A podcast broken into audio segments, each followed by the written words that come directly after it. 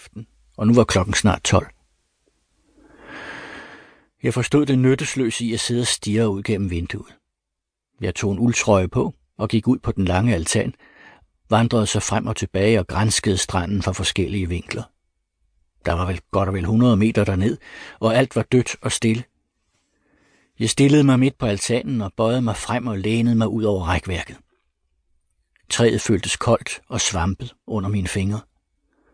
Jeg stod stille i lang tid med dunkende hjerte og tænkte, at hvis der er nogen, så kan jeg min sanden vente, for tålmodighed har jeg erhvervet mig i løbet af årene. Jeg havde kørt mig selv op for alvor nu. Jeg kæmpede imod impulsen til at gå ind og trække alle gardiner for at barrikadere både døren ud til gaden og den ud til haven. Jeg forsøgte at komme til fornuft. Sagde til mig selv, at jeg skulle tage en lommelygte og gå ned og se efter. Der var jo kun 100 meter, og det lyste trygt ud af nogle vinduer i naborækkehuset et stykke fremme. Det var bare at gå en tur derned og konstatere tomheden, og så vende tilbage og fortsætte arbejdet med Borges og Bolaño. Eller endnu bedre, opgive arbejdet, og i stedet tænde op i pejsen og skænke mig et glas vin, måske se en film eller et afsnit af en serie på Netflix, inden jeg gik i seng. Der så jeg noget bevæge sig om bag buskene igen.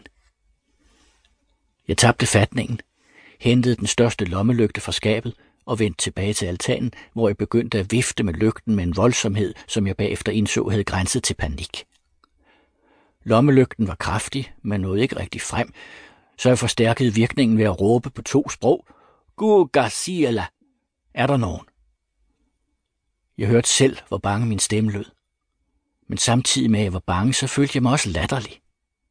Hvad var det, jeg foretog mig? Jeg befandt mig i Helsingfors og ikke langt inde i skoven eller på en eller anden afsides landejendom. Hvad ville naboerne gøre, hvis de så mig sådan her?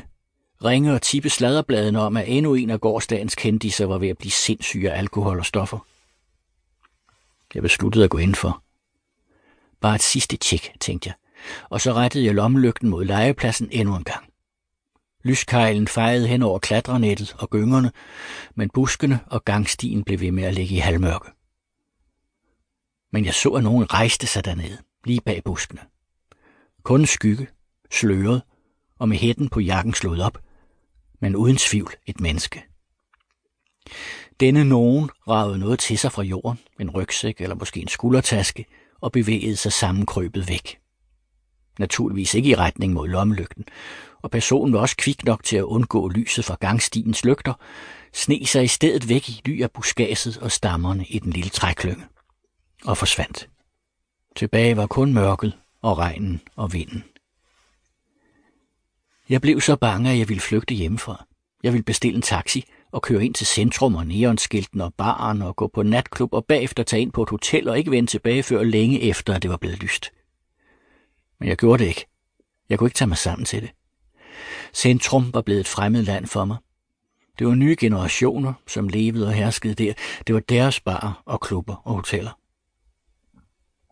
Og lidt efter lidt besindede jeg mig og forstod, at hvem det end var, som havde siddet dernede, så var det lykkedes mig at skræmme vedkommende.